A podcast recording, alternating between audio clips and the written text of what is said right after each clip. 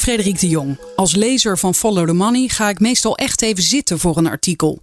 Verhalen waar zo lang aan gewerkt is, kun je bijna niet in vogelvlucht tot je nemen. Het liefste zou ik willen dat de redacteur naast me zat om uitleg te geven. En dat is nu het geval. Spreek hem eens in. Frederik vraagt door. De podcast van Follow the Money. I know you're gonna dig this. En deze podcast lijkt misschien gratis, maar is niet goedkoop. Het graafwerk van Follow the Money wordt mogelijk gemaakt door betalende leden. Wil je ook lid worden? Dat kan op ftm.nl. Nou, ik denk dat, dat inspecties daar goed naar moeten kijken. Nou, dat vind ik het sterke van deel 3. Nou, zeker na deel 1 en 2. In deel 3 wordt gewoon heel veel, allemaal deskundigen die wijzen gewoon waar uh, Annemij T. Hè, die heel hard Ja. zegt van, ik zou eerst kijken personeel goed op orde, dan naar de stenen. En dan vind ik die varkenvisser en pols, die zijn ook allemaal wel sterk. Ja, zeker. Ik denk- dat het echt een hele goede toegevoegde waarde heeft, het derde artikel. En nu? Want dat is toch wat je je afvraagt. En ja, nu is iedereen aan zet eigenlijk. Zo, jongens. En je bent het ook Hey, Frederik. Ja, Siem Eikelenboom en Judith Spanjers, we horen jullie al even kletsen met elkaar via eh, de software, want we zitten weer allemaal op afstand voor deze opname. Ik hoor steeds een tikje, alsof iemand aan het typen is. Is Siem aan het Ja, typen? ja, ik zit in het verhaal, daar moet ik dus mee ophouden. Ja, ik hou op. Jullie hadden het al over jullie reeks van drie artikelen. Waar gaat die reeks over, Judith? Onze verhalenreeks eh, is een onderzoek naar particuliere woonzorginstellingen. En nou ja, uit ons onderzoek bleek eigenlijk al heel snel dat ze zich eigenlijk voornamelijk richten op ouderen met dementie. Wij zijn dit onderzoek gestart naar aanleiding van een, eh, via LinkedIn kreeg ik een berichtje van iemand van goh, ehm, ik ben al anderhalf jaar bezig om helderheid te krijgen, om de zorg beter te krijgen voor mijn moeder. Ik krijg geen reactie, er verandert niks en eh, ik betaal heel veel geld voor deze zorg, maar ik krijg ook geen uitsplitsing van de kosten. En dat was eigenlijk eind vorig jaar al. En ik wilde altijd al heel graag onderzoek doen naar particuliere woonzorginstellingen. want ja, die luxe zorgvilla's, ja, die zag ik ook overal oppoppen. En ik dacht van ja, wat is dat nou eigenlijk? Hoe, hoe werkt dat? En ik zag hier wel een mooie aanleiding in om dat verder uit te gaan zoeken. Maar het is ook een hele lastige materie om te onderzoeken, omdat het, ja, het is heel lastig om er grip op te krijgen. Ehm, omdat het ook heel erg gaat om grijze gebieden waar je mee te maken hebt, eh, kwamen we in ons onderzoek achter. En ik heb uh, Siem uh, erbij gevraagd van, goh Siem, jij weet heel veel van alle bedrijfsstructuren. Siem is heel goed in investeringen, beleggers en al dat soort dingen. En um, we hebben onze expertises bij elkaar gelegd en zijn gaan graven. En hebben we het dan alleen over ouderenzorg? In dit geval hebben wij het echt specifiek op uh, particuliere zorgvilla's voor ouderenzorg. En het is eigenlijk ook, er zijn uh, voor beschermd wonen zijn er ook particuliere woonzorginstellingen. Maar um, uh, wij hebben ons echt gericht, en dat is eigenlijk ook waar, waar deze branche zich dus ook echt op richt. Want dat was ja, wat waar wij ook achter kwamen. Toch echt specifiek op deze doelgroep. En dan ga ik er maar even van uit dat dat de, de rijkere bejaarden zijn waar je het over hebt. Want het gaat dus om particuliere uh, verzorgingstehuizen. Of woon, zorgvilla's ja. heten ze. Ja, het is even goed om uit te leggen hoe die financieringstroom dan ook zit. Want ja, als je oud bent en je kunt niet meer thuis zelfstandig wonen, wat we, de overheid wil dat we zo lang mogelijk doen. Uh, maar als het echt niet meer lukt, dan uh, moet je dus op zoek naar een oplossing. Nou, wat dan kan gebeuren is dat je op een wachtlijst terechtkomt bij de reguliere zorg. Um, maar ja, moeder heeft toch echt hulp nodig. En ja, dan zijn de alternatieven de particuliere woonzorginstellingen. Maar als je daar dan uh, naartoe belt, dan krijg je vaak te horen van, nou ja, dat zijn kosten van duizenden euro's. Dus ja, niet iedereen kan dat betalen. En wij hebben dus onderzoek gedaan. Hoe, hoe zitten die kosten nou eigenlijk? En wat betaal je er nou eigenlijk voor? En dan blijkt dat er ook een heel groot verschil zit tussen uh, waar je gaat wonen. Want de goedkoopste die we hebben kunnen vinden was iets goedkoper dan 800 euro. En de duurste was 6000 euro die we gevonden hebben. En uh, dan zit je dan wel aan het Museumplein in Amsterdam. Maar ja, het is gewoon heel veel geld. En um, deze uh, zorginstellingen uh, krijgen dus geld van het zorgkantoor. Dat is, nou ja, als het gaat om dementie, ongeveer 6400 euro per maand. En daarnaast gelden dus die extra kosten van 800 tot 6000 euro. Dat betalen de bewoners helemaal zelf. En uh, wat, uh, wat ze daarvoor krijgen, dat is dus wat we, waar we onderzoek naar hebben gedaan. Ja, ze betalen daar de huur van. Meestal zijn de woningen waar ze in woningen, nou ja, zo rond de 40 vierkante meter. De duurdere zullen wat groter zijn. En wat opvalt bij ons onderzoek is dat het uh, vaak gaat om hele mooie monumentale panden die helemaal gerenoveerd en verbouwd zijn en er ja, gewoon picobello uitzien. Nou ja, uit ons onderzoek blijkt dan uiteindelijk ja, dat je dan uiteindelijk dus toch ook heel veel geld betaalt van die 800 tot 6000 euro voor dat pand. Oké, dit is het eh, verhaal eigenlijk al in een notendop. Maar Siem, toen jij erbij kwam, waar ben jij toen begonnen? Ben jij bijvoorbeeld die bedragen gaan uh, proberen uitsplitsen van wat krijgen die mensen nou voor, voor het geld dat zij betalen? Nee, ik ben eerst begonnen met uh, welke bedrijven zijn er in Nederland? En dan ook het heel simpele, ja, hoe zitten ze in elkaar? Wie is de eigenaar? welke bedrijven horen bij elkaar? En dat is wel het grappige. Uh, in ons derde artikel uh, refereren wij aan onderzoeken die tot nu toe in Nederland zijn gedaan. Dat is eigenlijk heel weinig. Er is een wetenschappelijke publicatie en er is recent een proefschrift. En de dames die uh, deze publicaties gemaakt hebben, die concluderen al dat deze zorg en dat de structuren heel ingewikkeld in elkaar zitten. Nou, dat is precies hetzelfde wat wij hebben gezien. Soms moet je echt bijna gaan tekenen op welk moment een zorgvilla uh, ja, wie de eigenaar daarvan is. Want dat kan twee maanden opeens weer anders zijn. En je ziet ook zorgvilla's die de afgelopen drie, vier jaar een paar keer al van eigenaar veranderd zijn. Dus het, uh, het in kaart brengen van de bedrijven en hoe de geldstromen lopen, dat is eigenlijk hetgene wat ik het meest heb gedaan. En dan presenteren jullie in jullie eerste artikel eigenlijk de belangrijkste kwestie: uh, dat bovenop het geld wat uh, de cliënten betalen, krijgen ze nog extra zorgkosten berekend. Dus zelfs bij een bedrag van 5000 euro per maand bijvoorbeeld. En dat mag helemaal niet. En om, om wat voor zaken gaat het dan, Judith? Nou, dat zit iets anders in elkaar. Die 800 tot 6000 euro, zeg maar, dat is, dat is het bedrag wat de bewoners betalen. En in dat bedrag, dus uh, binnen dat bedrag, worden er ook kosten berekend voor zorg. En um, wat ik dus heb gedaan is uh, uit gaan zoeken van hoe zit dat nou eigenlijk? Want ik heb alle zorgkantoren die betrokken waren bij dit bedrijf, wat we hebben onderzocht, heb ik aangeschreven. Dat is Mensis, VGZ, DSW en mijn Zilveren Kruis ik ben begonnen om daar alle vragen neer te leggen van oké, eh, wat zit er nou eigenlijk standaard in het zorgpakket? Wa wat betaalt het zorgkantoor nou voor deze zorg? En waar bestaat die zorg dan uit? En hoeveel zorg krijg je dan? En wat kun je dan ook extra in rekening brengen? En um, nou ja, dat was best wel een zoektocht, want ja, ook de zorgkantoren laten niet altijd meteen het achterste van de tong zien. Maar ze hebben toch goed uh, geantwoord en uh, ik heb ze ook allemaal dus deze vragen voorgelegd, omdat elk zorgkantoor ook eigen beleid kan hebben. Uh, dus ik wilde zeker weten dat iedereen dat dan ook zo doet. ik kreeg dus inderdaad vergelijkbare antwoorden terug. En daarbij kon ik de conclusie trekken van ja, uh, maar waarom betalen deze mensen dan extra? Want we hebben de websites, alle advertenties, zeg maar, of in ieder geval um, hoe het op de website gepresenteerd wordt, hebben we allemaal bekeken en gelezen. En ze beloven allemaal extra zorg. En voor eten en drinken moet je bijbetalen, voor de schoonmaak van het appartement, voor de was. Maar ja, uit mijn onderzoek bleek dat eten en drinken eigenlijk standaard in het pakket zit. Daar hoef je eigenlijk helemaal niets extra's voor te betalen. Behalve als je misschien een wijntje wil of wat dan ook. Maar er wordt gewoon standaard honderden euro's voor een rekening gebracht, terwijl de mensen niet eens weten waarvoor ze dan eigenlijk extra betalen. En er is dus ook een grijs gebied van wat nou eigenlijk, ja, wanneer houdt het op met eten en drinken? Wanneer zit dat in een standaard pakket en wanneer mag je extra kosten vragen? Dat is dus totaal onduidelijk gebleken. Uh, dat geldt ook voor activiteiten die gedaan worden voor bewoners. Uh, daar moet je extra voor betalen, maar dat zit ook al in het zorgpakket. Dus waar begint het en waar eindigt het? Dat is dus uh, gebleken dat dat echt onduidelijk is. En het Zorginstituut Nederland hebben we vervolgens om een visie gevraagd. En zij gaan over de zorg van de, ja, van de wet langdurige zorg gaat het dan over. En die heeft eigenlijk gewoon keihard gesteld dat ja, deze bedrijven dus met all-in pakketten werken, waarbij je dus één bedrag betaalt voor alles. Uh, voor huur, uh, servicekosten, uh, gas, water, licht, alles op één hoop. En het Zorginstituut Nederland heeft gezegd: dat is dus wat we wat niet mag. Wij, als jij naar een zorgbedrijf gaat, dan moet jij gewoon kunnen weigeren om die extra kosten te betalen als het om de zorgkosten gaat. Um, nou ja, dat is dus wat veel mensen niet weten. En, en dat is dus ook ja, wat wij hebben achterhaald van ja, hoe kan dit dan als, als alle bedrijven all-in pakketten rekenen? Uh, ja, ik mag het niet weigeren, maar volgens het Zorginstituut Nederland wel. Ja, en jullie schrijven dan ook dat dat Zorginstituut zegt: uh, het dubbel in rekening brengen van, een, uh, van zorgkosten is een economisch delict. Maar zijn zij daar nou, uh, zij zijn daar nu pas op gewezen? Zij hadden hier geen weet van, Siem?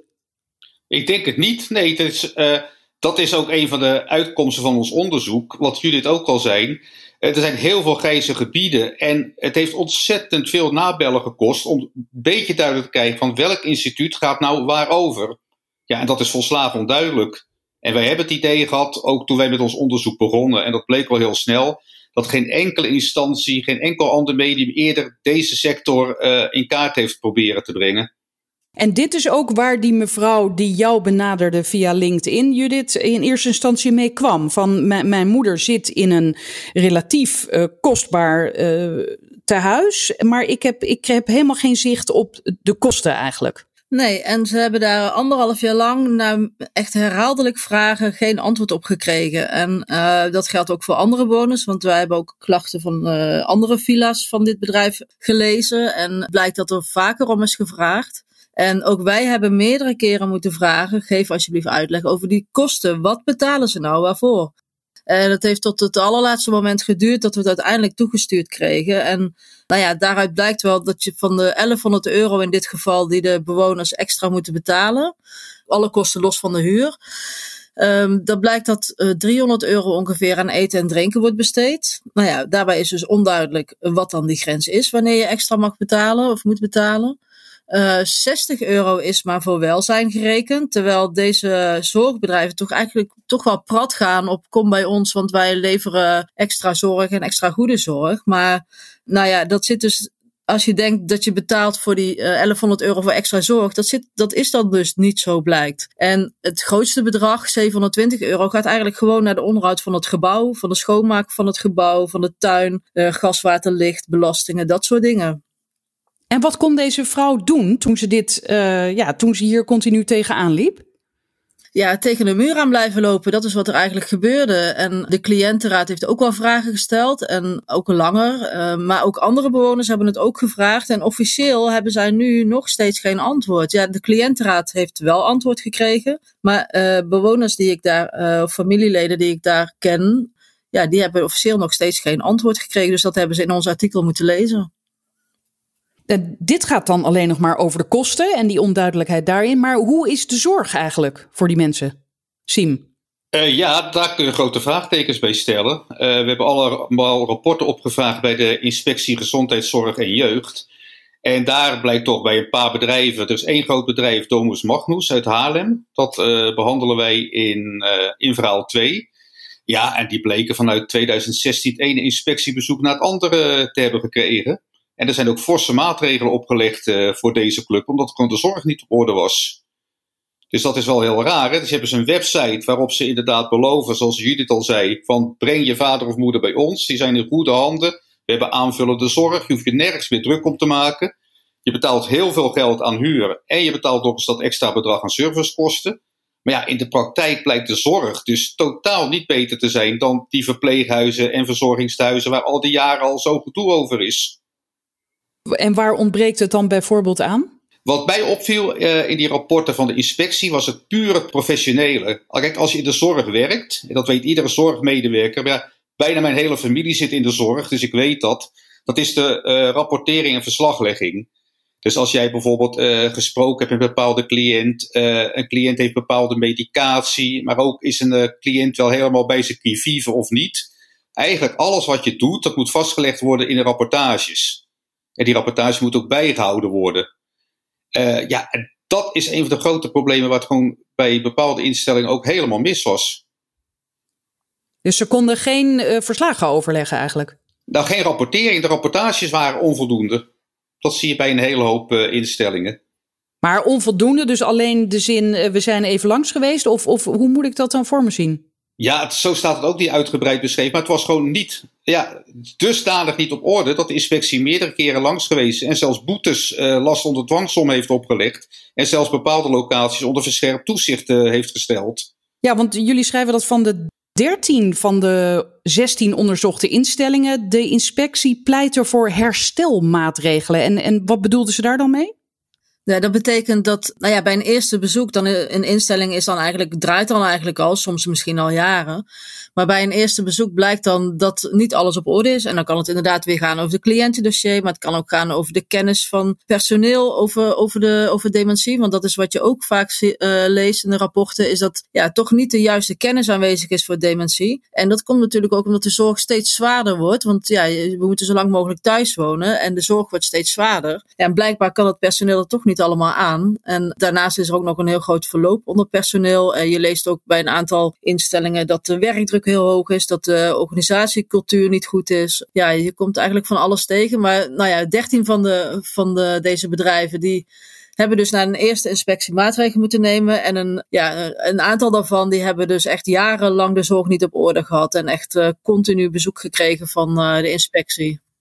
En van deze particuliere instellingen, die, die maken eigenlijk, schrijven jullie, 12% uit van alle zorginstellingen in Nederland. Dus eigenlijk maar een klein deel. Moet je nou als, als luisteraar eigenlijk blij zijn als je niet genoeg geld hebt om je ouders daar te plaatsen of om zelf daar ooit terecht te komen? Nou, het is wel aardig, want ik, eh, via Facebook ontving ik uh, reacties van bekenden van mij van, oh, ik hoef me gelukkig geen, niet schuldig te voelen dat mijn moeder niet in een particulier huis zit. Want het is dus, dus toch niet beter dan in een regulier huis. En ja, dat is wat natuurlijk ook speelt. Mensen, ja, iedereen wil zijn familielid zo goed mogelijk onderbrengen. En denkt dat hij ja, eh, bij een regulier huis niet goed genoeg doet voor, voor de familie. Maar ja, blijkbaar maakt dat dus toch niet zoveel verschil. En scheelt het je heel veel geld dan. Maar kunnen we dat inderdaad op die manier stellen? Dat, dat, ze, dat er geen één goede bij zit? Nee, nee, nee, nee, dat kun je niet stellen. Want wij hebben al lang niet alle instellingen onderzocht. Maar het wrange aan het systeem is. Uh, kijk, we hebben expres marktwerking in de zorg, dat is toegestaan. En een paar jaar geleden is er ook, zijn er nog meer regels veranderd. Het allemaal omdat er heel veel gedoe was over de reguliere verpleeghuizen en verzorghuizen, die waren niet goed. Denk maar aan het hele manifest van Hugo Borst en Karin Gamers. Die in opstand die, uh, hebben geijverd dat er 2,1 miljard bij komt voor de verpleeghuizen. Maar het idee was, als je nou slimme ondernemers zich ook op die markt laat storten. Ondernemers zijn slim, zijn creatief, zijn innovatief. Die bedenken weer hele nieuwe mogelijkheden om tot betere zorg te komen. Vervolgens zie je dat de eerste private verpleeghuizen beginnen in 2004, 2007. Maar met name de afgelopen uh, twee jaar zijn er heel veel verpleeghuizen bijgekomen. Dan denk je, hey, eindelijk die creatieve en innovatieve ondernemers, die zijn er ook. En die hebben allemaal hele slimme dingen verzonnen, waardoor ze bijvoorbeeld meer personeel kunnen aannemen, waardoor de zorg beter is. Nou, en dat zien we in ieder geval niet. We hebben nergens gezien dat er een private aanbieder is, die bijvoorbeeld nou beduidend meer personeel heeft dan een regulier verpleeghuis. Oké, en dan komen we bij jullie tweede artikel. Uh, dat gaat over investeerders die investeren in panden waar deze instellingen in gevestigd zijn. Ja, wat er eigenlijk ook, hè, ik, had het net al over dat er inderdaad wat uh, wet en regelgeving veranderd is. Een van de belangrijkste regels die de afgelopen tijd veranderd is, is een enorme verschil tussen wonen en zorg. Die zijn als het ware helemaal losgekoppeld. Dus wat je nou ziet, dat zijn er ook commerciële aanbieders. Die hebben een, uh, een huur-BV, een vastgoed-BV en een zorg-BV. En daarboven hangt dan een holding. En dan zeggen ze ook inderdaad, zo hebben wij het mogelijk gemaakt. Al het zorggeld wat wij krijgen voor de zorg, dat gaat naar die zorg-BV. Daarvan, zeg maar, ja, leveren wij zorg en welzijn voor de mensen die daar wonen. En het huur die die mensen betalen, betalen ze weer aan een heel andere BV. Dat is de vastgoed-BV. En zo gaan geldstromen niet door elkaar lopen. Dat is het idee wat erachter zit. Maar het grote bezwaar daartegen is, dus ze zeggen ook, er kan geen zorggeld als het ware wegvloeien naar bijvoorbeeld vastgoed. We kunnen geen winst maken met zorg en dan extra vastgoed uh, kopen. Maar dat is de vraag of dat klopt. Wat we hebben gezien bij Stepping Stones, dat daar vanuit de zorg-BV jaarlijks miljoenen aan beheerskosten naar de holding gaat. En wat er dan vervolgens met die miljoenen gebeurt in de holding, ja, dat is weer heel onduidelijk. Maar waarom gaan die miljoenen naar de holding? dat waren zogenaamde beheerskosten, managementkosten. Dus de holding vraagt bijvoorbeeld naar ICT. Dat worden die oude, bijvoorbeeld, uh, noem eens wat, de cliëntendossiers worden centraal bijgehouden. En er zijn nog veel meer kosten. En dan betaal je als zorg-BV managementkosten aan de holding. En is dit vreemd? Nee, dat zie je overal in de zorg gebeuren. Alleen kun je afvragen natuurlijk, waarom moeten die bedragen zo hoog zijn? In één jaar zagen wij dat vanuit de zorg-BV van Stepping Stones er maar liefst 3,5 miljoen aan beheerskosten betaald werden aan de holding. Op een omzet, zeg ik nu even uit mijn hoofd, van 19 miljoen. Ja, dat is natuurlijk krankzinnig veel. Maar nu hebben we het niet eens over de investeerders. Nu hebben we het dus over het management van die zorginstellingen. Ja, maar het een hangt met het ander samen. Kijk, ehm, artikel 2 beginnen wij met een folder. We hebben een fictieve belegger. Eigenlijk was ik dat. Ik zat gewoon te googlen en ik kwam deze folder tegen. Het is een folder uit 2018 en die zegt: joh, wil jij een leuk rendement maken, dan moet je gaan beleggen in zorgvilla's. En daar begint het natuurlijk ook mee. Dat wonen en werk, dat is zo uit elkaar getrokken, dat je kunt afvragen of dit soort particuliere zorgvilla's, zijn dat niet eigenlijk gewoon vastgoedbedrijven, particuliere verhuurbedrijven, in plaats van zorgvilla's? En als je mij het pistool op mijn hoofd zou zeggen en zou vragen, joh, je hebt onderzoek gedaan naar dit soort bedrijven, wat zijn dit voor bedrijven?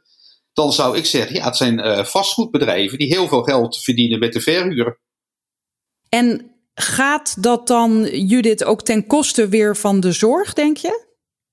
Nou ja, wat Siem net zei over de personeelskosten. We hebben niet alle personeelskosten gecheckt bij alle bedrijven. Uh, wij stellen ook niet dat de zorg uh, slechter is dan in de reguliere zorg. Wat we wel stellen is dat er dezelfde problemen er spelen. En uh, wij hebben niet kunnen signaleren dat de zorg uitmuntend veel beter is. En waar het vooral om gaat is de transparantie. En dat is, daar is gewoon echt een groot gebrek aan. Uh, want als je als bewoner, tenminste als ik ergens voor betaal, wil ik weten waar ik voor betaal. En uh, wij hebben 16 bedrijven aangeschreven. En nou, op een paar vingers na uh, heeft gewoon niemand gereageerd of geen uitleg gegeven. Dat zegt al wat, vind ik. Als jij een bedrag van 5000 euro durft te vragen, dan moet je dat uit kunnen leggen. Ons wordt dat niet uitgelegd, maar bewoners dus ook niet. En ik heb een aantal bewoners van andere instellingen gesproken. En het lijkt er wel op alsof niemand daar ook echt goed heeft over na heeft gedacht van waar betaal ik nou eigenlijk voor? En dat verbaasde mij dan weer. Dat ik denk van ja, het is toch heel veel geld. Dan wil je toch weten waar je nou eigenlijk voor betaalt. Maar ja, het zijn gewoon ronkende websites en ronkende beloftes. En uh, mensen zijn natuurlijk wanhopig met, met een zieke in huis. Ze zijn blij dat ze even rust hebben. Dus die vinden het al best dat iemand een mooi onderdak heeft en uh, onder de pannen is. En dan vertrouwen ze erop dat het goed gaat. Maar ja, wat, wat veel mensen ook niet weten, is dat als je eenmaal uh, in zo'n huis zit en het gaat echt slecht met, uh, met je moeder, dat moeder dan alsnog naar een regulier huis zal moeten. Want deze huizen kunnen niet de meest complexe zorg aan. En dat wordt ook niet altijd verteld. Dus die transparantie is volgens mij heel erg belangrijk. Kijk, ieder mag zelf kiezen naar welk huis die wil. Maar wees dan open in wat je wel en niet biedt. Ja, en, en vertel ook welke zorg je wel en niet kunt bieden. Want een regulier huis heeft veel meer medische zorg in huis. Specialisten ouderenzorg, psychologen, fysiotherapeuten. Dat hebben deze bedrijven niet. Eigenlijk is het hetzelfde als dat je thuis woont en je laat zorg komen. Dat is eigenlijk wat je krijgt. Dus uh, de huisartsen die hebben ook al uh, met de noodklok geluid twee jaar geleden. Die hebben gezegd, jongens, dit is niet wat wij willen. Want wij worden overstroomd met vragen van, uh, er komt ineens een villa in de wijk en een huisarts krijgt ineens 30 cliënten erbij.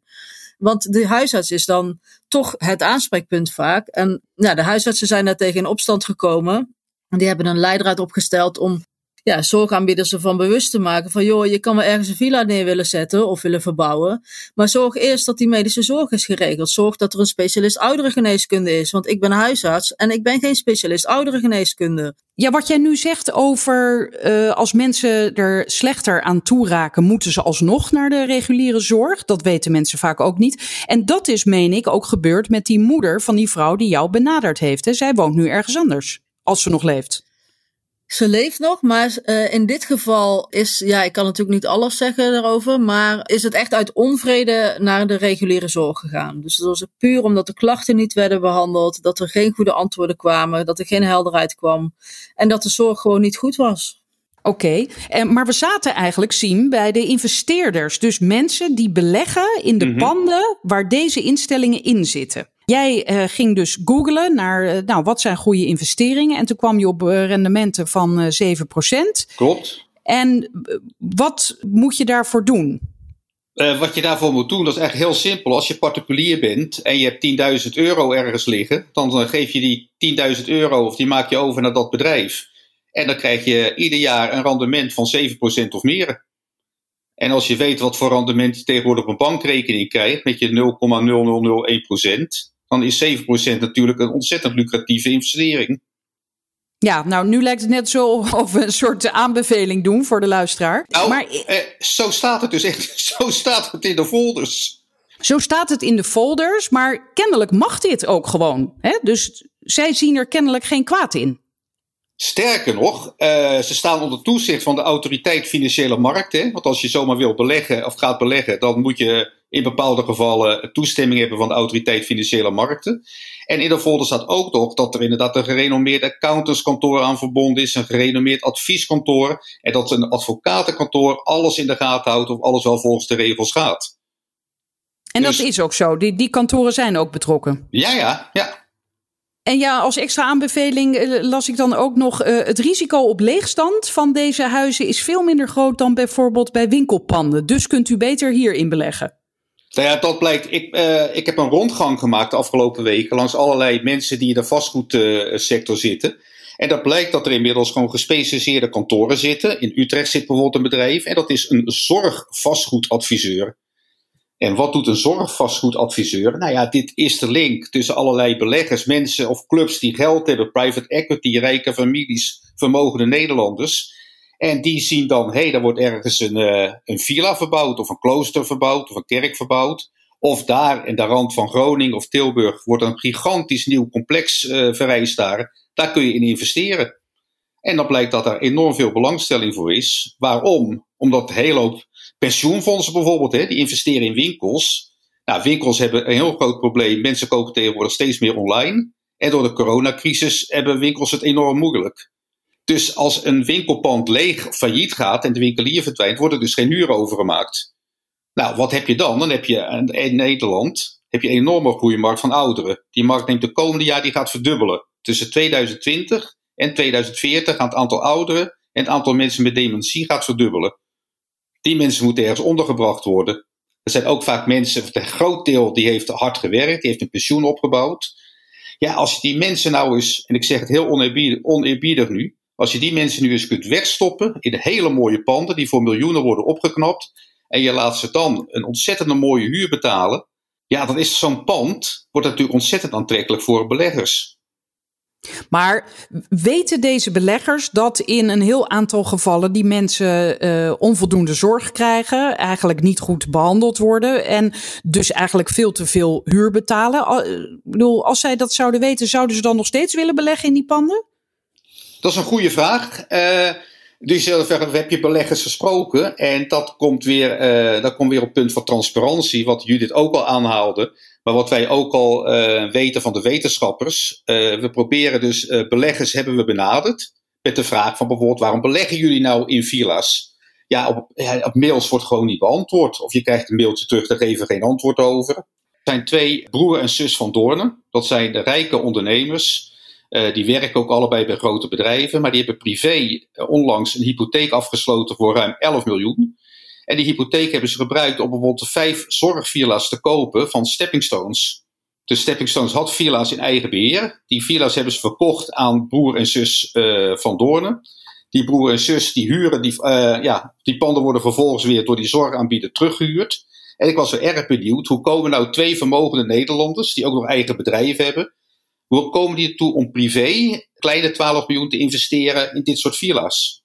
Nou ja, dan probeer je die mensen te achterhalen. Uiteindelijk heb je een e-mailadres van waar het naartoe gaat. En ja, je krijgt vervolgens nooit antwoord. Ja, maar jullie hebben eigenlijk zelf het antwoord al gegeven. Waarom doen ze dit? Vanwege het prachtige rendement. En kennelijk verdiepen ze zich niet al te veel in wat er in, in die panden gebeurt. Nee, maar dat zie je natuurlijk in de hele wereld. Hè. Dat zie je ook met private equity ook. En ook vooral met beleggers. Over het algemeen beleggers die uh, ja, een stoppen geld ergens in om uh, winst te maken.